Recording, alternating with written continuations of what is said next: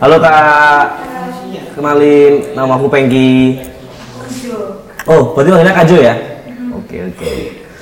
Nah, Kak Jo, em, jadi selamat datang di tempat ini.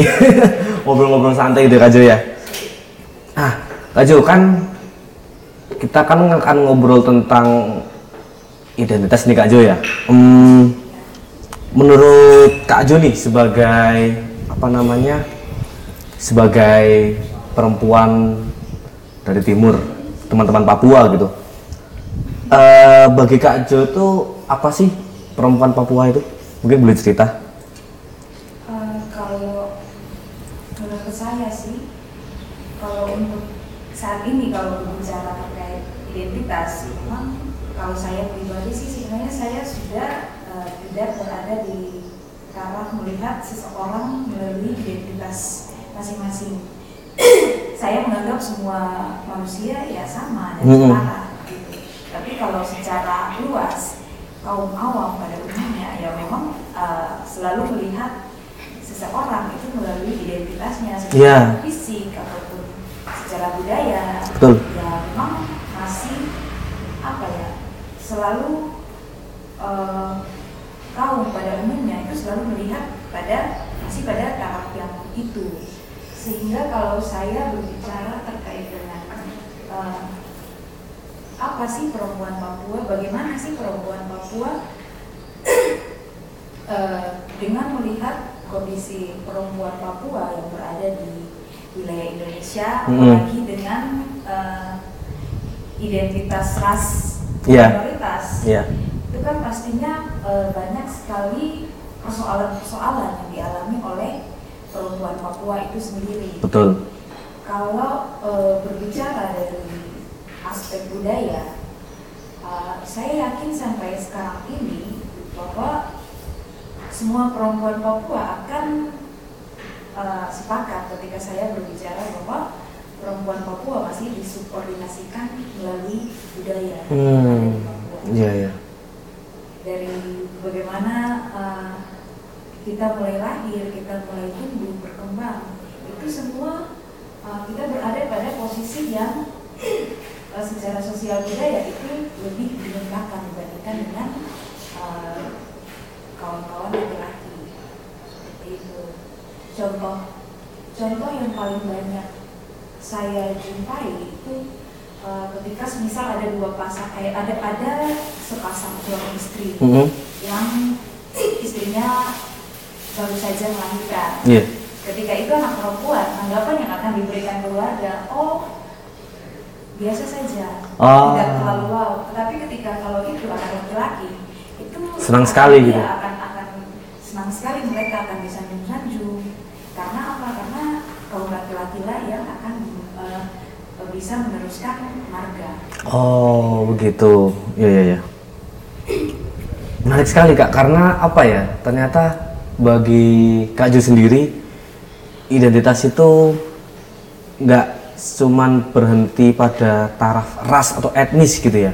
Tapi sudah meluas ke mana-mana gitu tentang bagaimana perempuan Papua itu berusaha untuk keluar dari eh, apa kurungan sos, apa, sosial budaya gitu kan dan terus merasa tersub, sub- tersubordinasi gitu kan.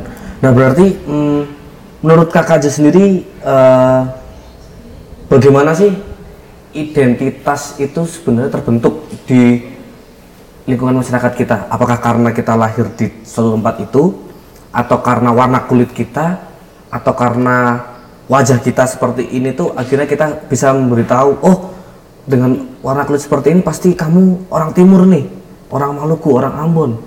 Oh dengan kulit putih ini pasti kamu Cina lah. Menurut kakak gimana? Identitas terbentuk gitu? Eh, kalau, kalau sepemahamannya saya, eh, bagaimana melihat identitas terbentuk itu, eh, kalau menurut saya itu ada faktor internal dan juga faktor e- Iya, yang, iya. eh, ikut mempengaruhi. Misalkan kalau faktor internal kan dari dalam dirinya kita sendiri. Betul.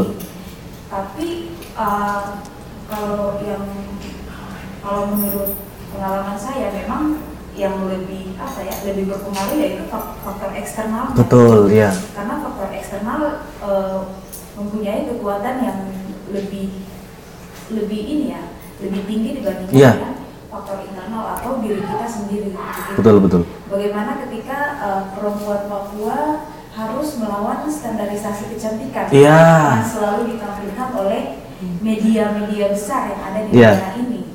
Itu kan uh, saya pikir apa ya sebuah sistem besar yang sudah uh, secara tidak langsung mendikte pemikiran orang supaya berpikir bahwa cantik itu harus putih, Iya, benar. harus lurus, Benar benar benar. cantik itu harus uh, uh, punya standar badan yang Badan yang ya harus kayak gimana postur tubuhnya itu kan kak harus uh, anggun gitu mungkin ya biar Ah, cantik ya. jadi, jadi kalau menurut saya ya itu faktor eksternal itu sangat apa ya sangat punya power yang besar. Iya, iya. Begitu tetapi eh, kalau dari pengalaman saya bagaimana saya bisa melawan standarisasi kecantikan yaitu eh, mau bagaimanapun bentuk kita mau bagaimanapun warna kulit kita ya kita harus menerima diri kita sendiri gitu karena ya itu kekuatan dalam diri kita kekuatan internal sama halnya juga ketika bagaimana kita eh, bisa melawan sistem sosial budaya yang sangat Betul. perempuan Papua Betul. ya kita punya kekuatan dalam diri kita sendiri untuk melawan ya itu harus dengan capaian-capaian yang positif yang harus Iya. Oke oke oke.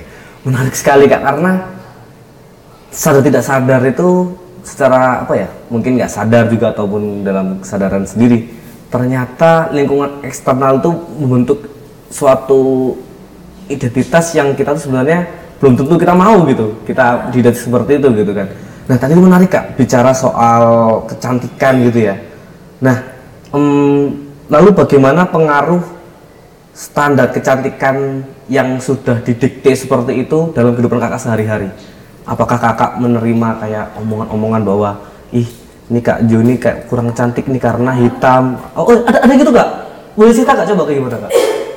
Eh, itu aku kalau ke saya kalau ke apa merantau di, dari apa ke luar Papua itu sudah dari SMA Mm-mm. masuk SMA nah itu pada saat masuk SMA eh, pokoknya di salah satu kota di Jawa Iya.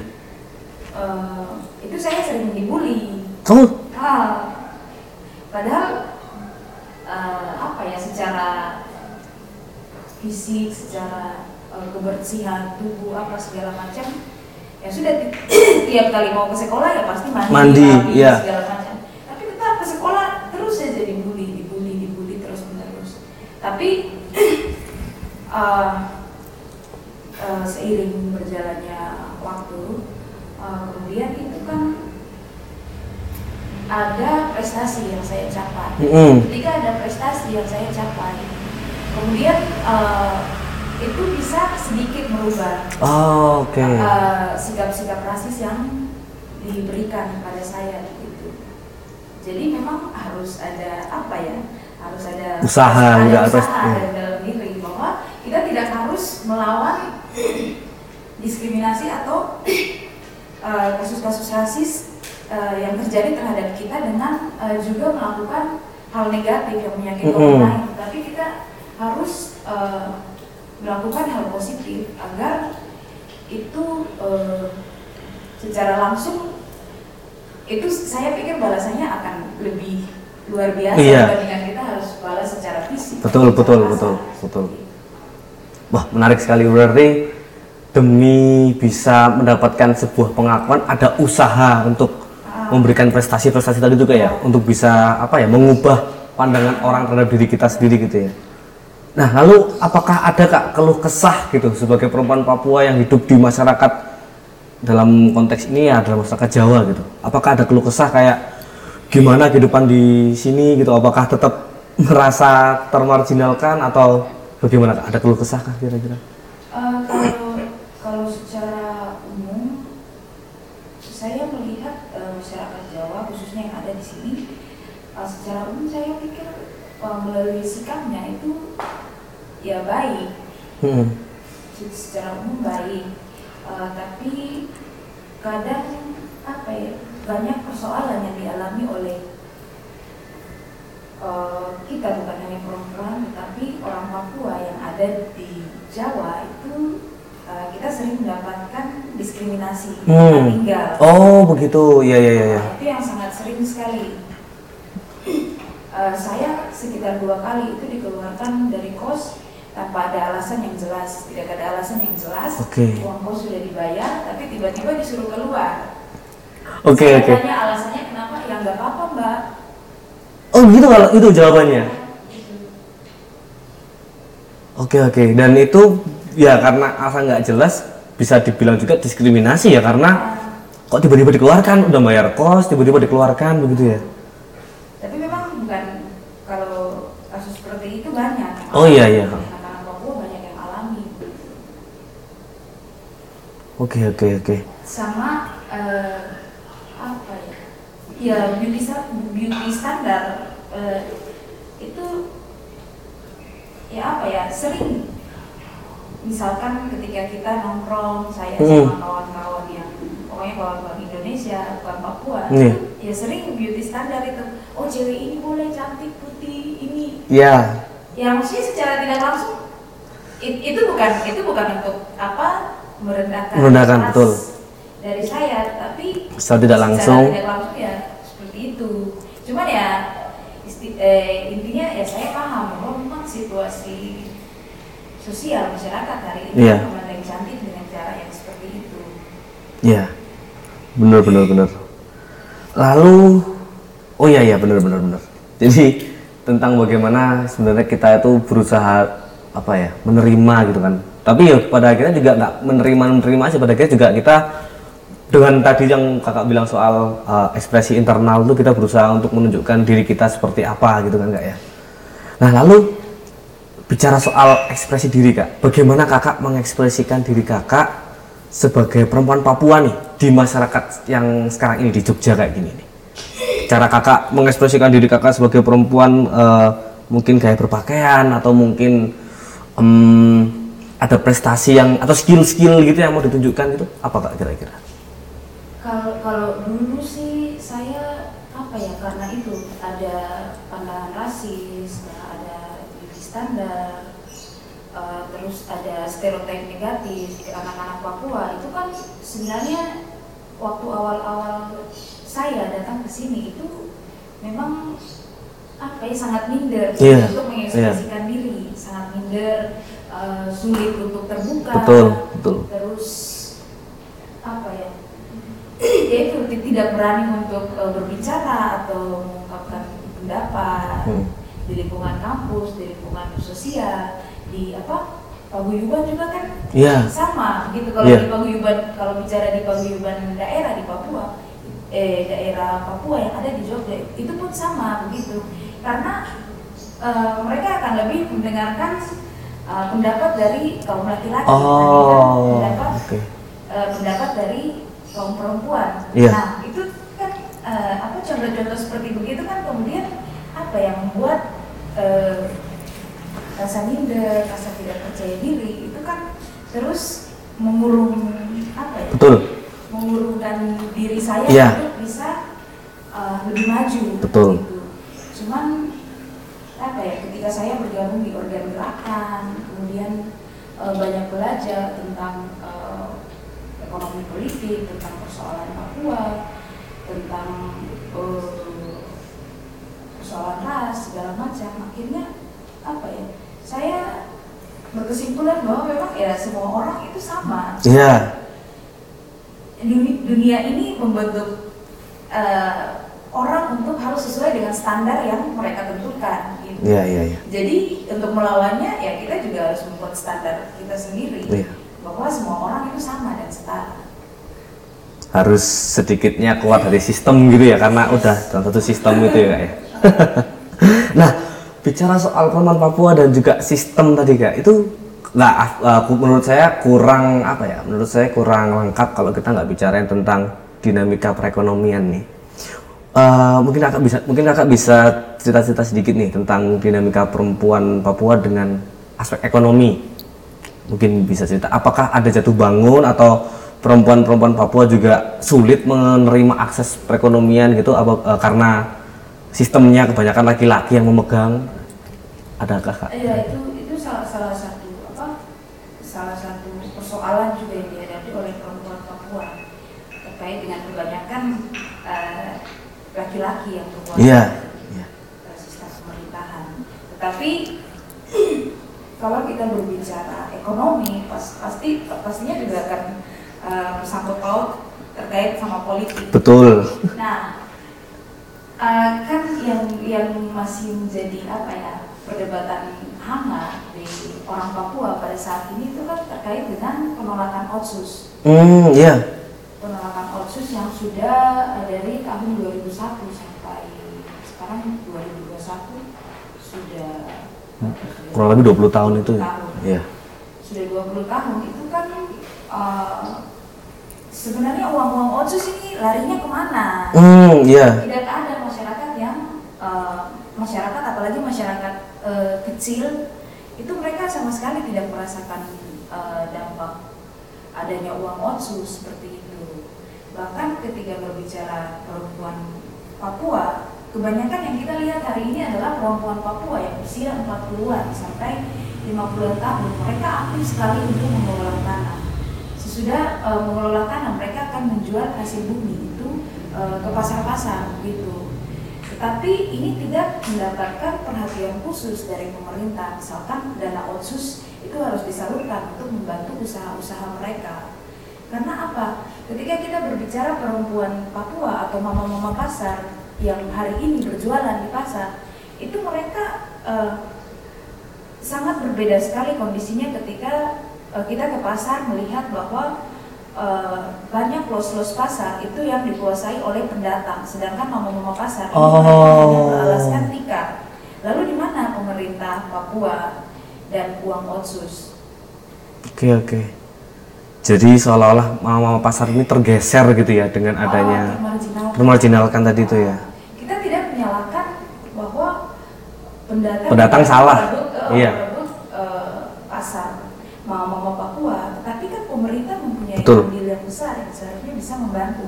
Nah itu salah satu dampak dari eh, bagaimana otsus eh, sangat tidak mensejahterakan perempuan Papua yang ekonominya rendah. Nah, ketika berbicara otsus itu juga kan sebenarnya ada eh, otsus itu dikasih karena ada persoalan politik Iya. yang panjang yang belum terselesaikan antara Indonesia dengan Papua. Nah, ketika berbicara konflik politik, eh, kalau kita eh, ke belakang lagi sekitar tahun 60 sampai tahun 90-an, itu Papua mengalami eh, operasi daerah operasi militer Mm-mm. itu kan banyak sekali perempuan-perempuan yang kemudian terdampak akibat itu perempuan yang mengalami kekerasan seksual, perempuan yang disiksa, perempuan yang eh, dibunuh secara tidak manusiawi. Itu sangat banyak begitu. Dan kalau kita mau bicara mana datanya oke datanya ada di jurnal Stop Sudah. Stop Sudah itu ada penelitian dari tahun 1963 sampai tahun 2008 itu rentang waktu yang sangat jauh tapi dari penelitian yang uh, dihasilkan itu masih masih terdapat uh, uh, itu korban yang masih hidup itu masih ada sebanyak 136 orang yang mengalami kekerasan seksual yang dilakukan oleh uh, alat negara. Nah, itu dari rentang waktu yang panjang begitu dengan jumlah korban yang tersisa yang jumlahnya masih seratusan itu kalau korban-korban yang lain lagi masih hidup korban-korban yang lain lagi mau bersuara pastinya jumlahnya Iya. akan sangat-sangat banyak Iya, tapi kemudian negara tidak mementingkan hal itu betul. negara tidak eh, berani untuk menyelesaikan persoalan HAM atau kekerasan Seksual. yang Iya. berat yang dialami oleh perempuan Papua akibat dari konflik politik antara Indonesia dan Papua. Menarik sekali, menarik, menarik. Berarti dinamika perempuan Papua ini dari tahun yang sangat lama sampai sekarang pun masih apa ya, masih terasa dampaknya sampai sekarang ini gitu ya dan masih teringat-ingat gitu ya. dan itu, dan, dan itu mungkin merupakan bentuk trauma gitu ya, tentang bagaimana kekerasan seksual perempuan-perempuan Papua itu dirasakan dan korbannya tadi yang kakak katakan itu ya artinya mungkin memang pemerintah itu kurang memperhatikan pemerintah kurang eh, apa ya kurang mawas lah terhadap perempuan-perempuan Papua. Kurang memberikan afeksi gitu terhadap perempuan-perempuan Papua gitu. Terus ini mas, sama kan? Kalau dilihat dari tahun 2018 itu kasus menduga. Oh, iya. sampai sekarang belum terselesaikan. belum terselesaikan? Sekitar 400 ribu pengungsi. Tidak tahu nasibnya sekarang bagaimana. Bagaimana dengan para perempuan yang hamil kemudian harus mengungsi lari di tengah jalan sudah tidak kuat iya iya iya. eh, bisa meninggal atau melahirkan bayi namun tidak tertolongkan. Itu kan belum ada data-data yang jelas. Iya. bahkan bukan hanya diduga. Di Intan Jaya juga sama. Ada persoalan yang mengakibatkan warga sipilnya mengungsi. Di puncak Papua pun sama. Sampai sekarang belum ada status yang jelas. Di kabupaten eh, saya berasal kabupaten Pegunungan Bintang pun sama seperti itu begitu. Sampai sekarang belum diselesaikan oleh pemerintah Indonesia maupun pemerintah Papua sendiri. Seperti itu. Dan eh, pastinya yang akan sangat berdampak dari eh, persoalan eh, pengungsian itu adalah perempuan dan anak. Iya iya. Yang di mana perempuan butuh air untuk eh, hidup, untuk makan, perempuan butuh akses kesehatan, buat ibu yang hamil, merawat anaknya gitu merawat anak, jadinya kalau melihat persoalan perempuan Papua ya sangat berlapis-lapis sekali penindasannya, mulai penindasan dari sosial budaya, mulai penindasan dari eh, kebijakan-kebijakan pemerintah Papua yang tidak berpihak pada Iya. perempuan, eh, kekerasan militer, kemudian eh, kekerasan negara secara tersistematis itu kan juga apa ya? Memang membuat posisi perempuan Papua sangat-sangat dikucilkan. iya iya. Oke oke. Ternyata marginalisasinya sampai sebegitu parahnya ya kak ya. Lalu untuk mungkin kembali lagi ke kakak sendiri di Jogja nih Eh, apakah kakak mendapatkan batasan-batasan yang marginalkan kakak dalam mengekspresikan identitas kakak? Misal kakak waktu nongkrong gitu sama teman-teman atau mungkin waktu hmm, di perkuliahan gitu ada nggak sih eh, kakak waktu mau coba mengekspresikan diri tapi ternyata malah nggak dapat nggak mendapatkan aksesnya nggak mendapatkan privilege-nya gitu apakah pernah kak atau mungkin eh, sering gitu Kalau kalau di kampus ada eh, ada perlakuan yang saya pikir sedikit mendiskriminasikan saya. Cuman apa ya ketika ketika ya itu ketika saya berfokus ke persoalan itu, namun eh, sebenarnya saya berniat untuk menyelesaikan, tapi orang Mm-mm. itu sudah terlanjur berpandangan buruk terhadap saya ya oke mau bagaimana lagi gitu. Nah kalau di kalau di lingkungan eh, sosial sih kembali lagi ke persoalan persoalan rasis itu tidak hanya berdampak ke saya melihat saya sebagai kaum yang terbelakang, kaum yang dianggap primitif segala macam. Tapi kan dampak eh, persoalan rasis itu juga kan dialami oleh eh, maksudnya berdampak ke kawan-kawan Indonesia. Begitu. Jadi masing-masing dari kita tuh ada pemikiran-pemikiran yang eh, sulit untuk eh, menyatukan kita, sulit untuk membuka kita Iya, dalam iya. eh, ruang yang bisa apa kita bisa jalin komunikasi.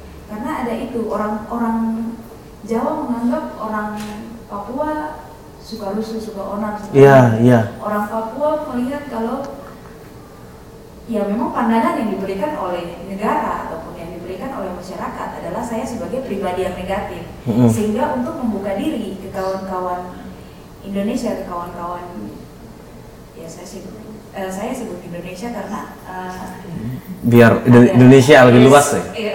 Kawan-kawan Indonesia karena ya itu stigma-stigma negatif itu membuat mereka menutup diri untuk eh, bisa bergabung sama kawan-kawan yang lain. Begitupun kawan-kawan eh, Indonesia. Karena ada pandangan-pandangan negatif akhirnya kan eh, mau menjalin apa ya mau say hello ke Oh, iya. kawan Papua saja rasanya kayak aduh berat aduh kaku. Iya, kayak iya. gitu kan. Ah, jadi eh, sebenarnya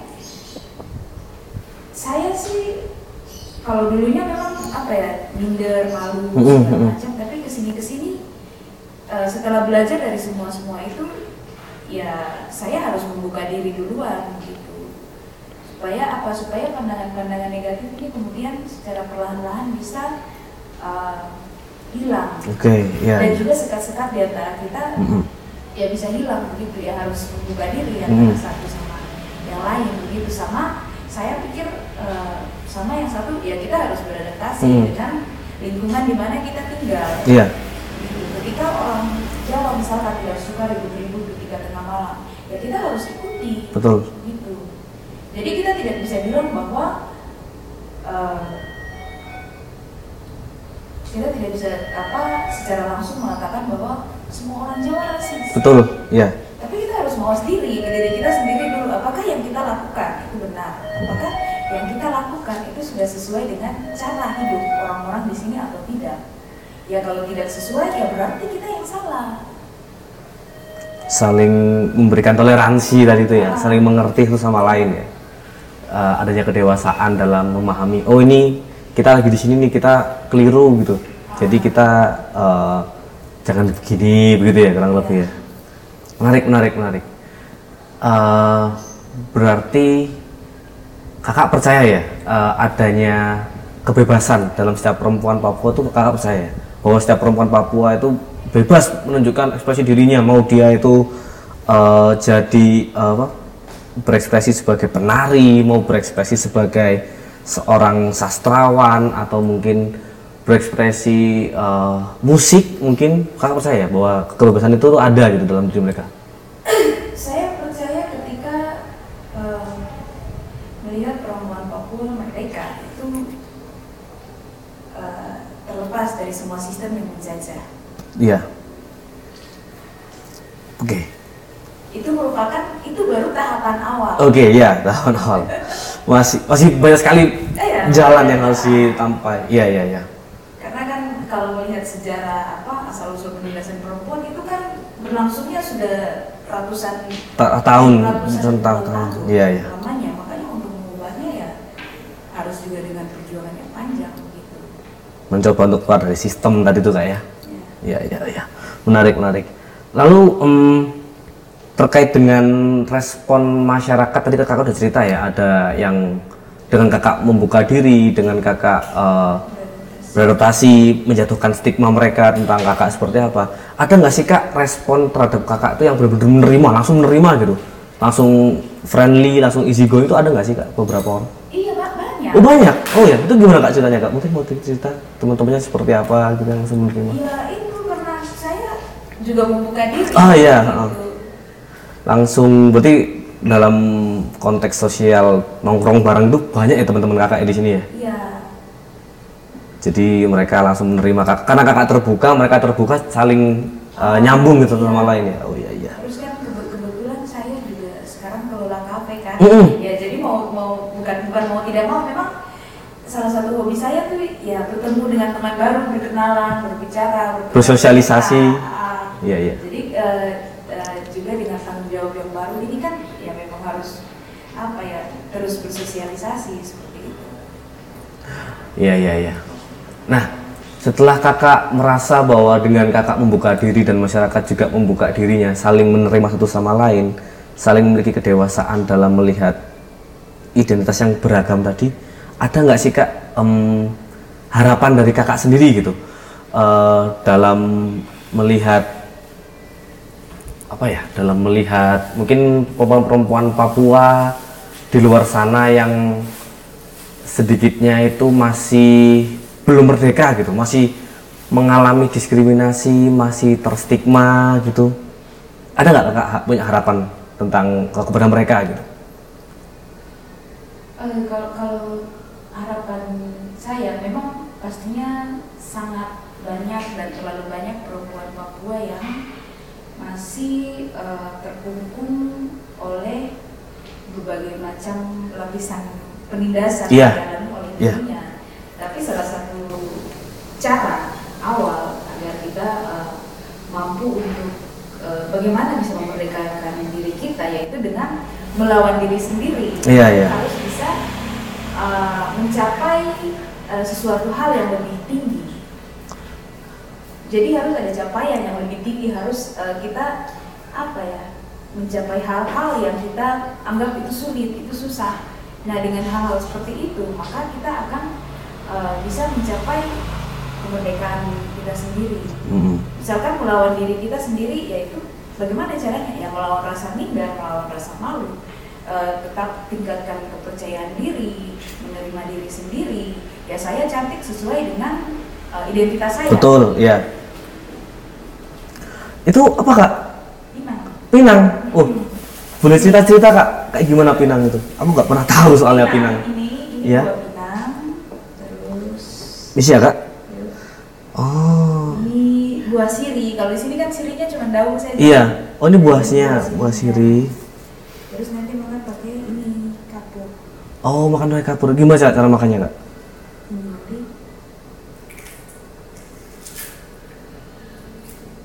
Untuk kulitnya dikupas dulu.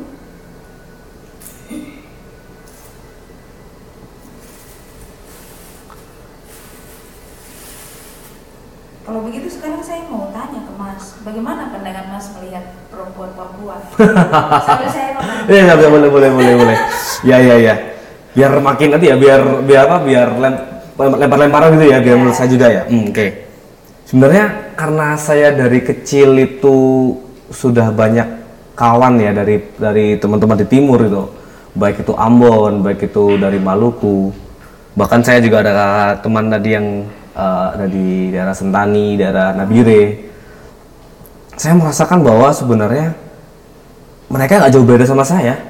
Mereka sama-sama pada waktu pertama kali saya ketemu orang timur pertama, orang teman-teman Papua pertama yang pernah yang saya temui, kami berdua sama-sama suka main kelereng di kampung di kampung halaman saya di Jawa Timur. Kami sama-sama suka main kelereng dan saya melihat dia sebagai orang atau kawan pecinta kelereng gitu sama seperti saya gitu. Saya nggak melihat apa ya, saya nggak melihat ini dari Papua, iya nggak ada fisik ini dari Papua dan bahkan ada beberapa teman saya yang mungkin yang juga tetangga saya itu berusaha untuk menjauhi anak tersebut karena beda banget dengan diri mereka gitu. Mereka masih coklat gitu. Tapi kan teman-teman apa tapi kan teman Papua ini kan hitam dan eh, apa namanya berbeda banget lah kulitnya gitu. Dan mereka langsung eh, ya dengan ciri khas mungkin orang-orang Papua yang daerah pegunungan gitu ya, apa daerah-daerah yang hidungnya besar, yang mukanya berbeda besar juga dan mereka melihat tuh kayak seperti monyet gitu bilangnya. Mereka bilangnya monyet dan saya berpikir, masa sih saya nggak melihat itu gitu. Saya juga kaget loh kok tiba-tiba dibilang monyet gitu kan. Saya juga kaget. Padahal sebenarnya saya itu melihatnya ya ini ini teman saya bermain kelereng gitu dan saya dan saya senang main kelereng sama dia gitu. S- Dan lambat laun semakin berjalannya waktu saya juga melihat teman-teman dari Ambon, teman-teman dari NTT dan Maluku gitu dan mereka asik-asik gitu dengan saya gitu waktu saya SMP dan SMA gitu karena saya SMA di sini juga teman-teman saya tuh banyak sekali yang eh, dari Nabire dari dari dari Merauke. Dan mereka tuh dalam apa ya mereka menunjukkan diri mereka tuh benar-benar diri mereka gitu. Saya malah kayak nggak merasa apa ya saya nggak merasa nggak merasakan bahwa mereka ini berbeda dari saya tuh enggak gitu. Karena saya melihat diri mereka tuh bukan dari rasnya, etnisnya, mereka adalah manusia seperti saya gitu kak. Jadi saya berpikir selagi dia manusia ya kenapa enggak kita berteman begitu kan kak ya? Iya, begitu sih. Harusnya harusnya harusnya seperti itu kan gitu. Dan saya kadang-kadang membayangkan gitu, kalau misal ada gitu 10 orang dan seperti saya berpikirnya itu hidup di lingkungan yang kecil gitu.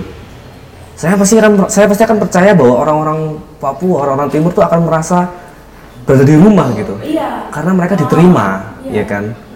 Dan apa ya?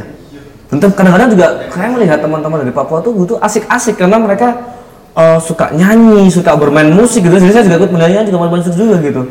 Ada kawan dari hmm, mana itu ya? Kayaknya dari dari Merauke kayaknya. Dia tuh eh, pandai bermain musik eh, electronic dance music gitu yang musik-musik DJ gitu dan dia tuh juga rap-rap gitu bisa nge-rap gitu. Saya juga ada yang asik gitu ajarin saya nge-rap gitu. Saya biasanya gitu gitu. Dan dia ngajarin saya nge-rap ini kayak gini kayak gini. Dan saya mungkin ini uh, fun fact ya kak ya. Saya tuh suka banget da- dari 2019 kemarin tuh sampai sekarang tuh suka banget lagu-lagu dari timur gitu. Apa? Lagu-lagu ya lagu-lagu. Kan mulai naik lagi kan orang-orang ya. kan dan lagi tren dan saya juga asing iya ini lagunya emang bagus gitu. Dan akhirnya em, kawan-kawan Papua akhirnya menunjukkan gitu identitas musik mereka gitu. Ada yang rap ada yang lagu-lagu galau gitu sedih-sedih gitu kan kak dan dan itu bagus banget gitu kak. Ya seperti itulah kak saya melihat bagaimana teman-teman Papua gitu. Berarti kamu Gak jauh beda kan kak ya? Gimana kak? Enak kak saya nggak pernah nyoba rasanya sih. Segar. ya? Itu memang dari daerah sana emang ini ini. Oh budaya sana ya benar Iya, benar sebenarnya kan bukan hanya budaya Papua, tapi ini kan menyebar di seluruh Asia. oh begitu Iya, makan Oh. Malaysia juga ya. rasanya gimana kak apakah amanis asam Rasanya tuh kayak buah yang masih mengkal. oh iya iya iya jadi masih Masih agak apa ya? Tidak pahit juga tidak apa ya sepet kan. oh sepet gitu ya kayak sepet sepet se- tapi seger gitu ya Oke oke oke. ya menarik sekali sini kak. Ini tadi yang buah sirih ya, buah sirihnya. Ini dimakan bareng bersamaan sama itunya, iya, atau sama, nanti makan buah pinangnya dulu, habis itu siri ini dicampur ke kapur. Kapur. oh oke oke oke. ternyata apa ya kayak identitas itu ternyata sangat luas gitu kayak dan mungkin beberapa mungkin dari saya atau mungkin teman-teman di luar sana tuh mungkin belum begitu mengerti dan belum belum begitu tahu gitu bagaimana beratnya menjadi perempuan Papua selama ini gitu. Tentang bagaimana mereka termarginalisasi mereka terpinggirkan gitu. Tentang bagaimana mereka semua itu sulit mendapatkan akses karena sistem patriarki yang mungkin saya bilang sistem patriarki karena emang laki-laki kan yang bukan sistemnya sulit untuk membuat ruang gerak bagi perempuan-perempuan di uh, Papua itu sendiri gitu. Dan seperti yang tadi kakak uh, bilang harapannya adalah untuk terus berusaha menggapai impian yang lebih tinggi gitu. Kalau emang mau keluar dari sistem ya udah ayo bareng-bareng begitu kak ya. Dan oke kak terima terima kasih untuk obrol-obrolannya dan semoga mencerahkan teman-teman yang sedang menonton karena pada akhirnya kita membutuhkan pencerahan gitu kan karena kita perlu melihat uh, hal ini lebih luas lagi. Terima kasih banyak Kak Jo sudah hadir, sudah ikut ngobrol dan berkeluh kesah bersama ya. Terima kasih teman-teman terus nantikan terus nantikan video Antrofest berikutnya. Terima kasih.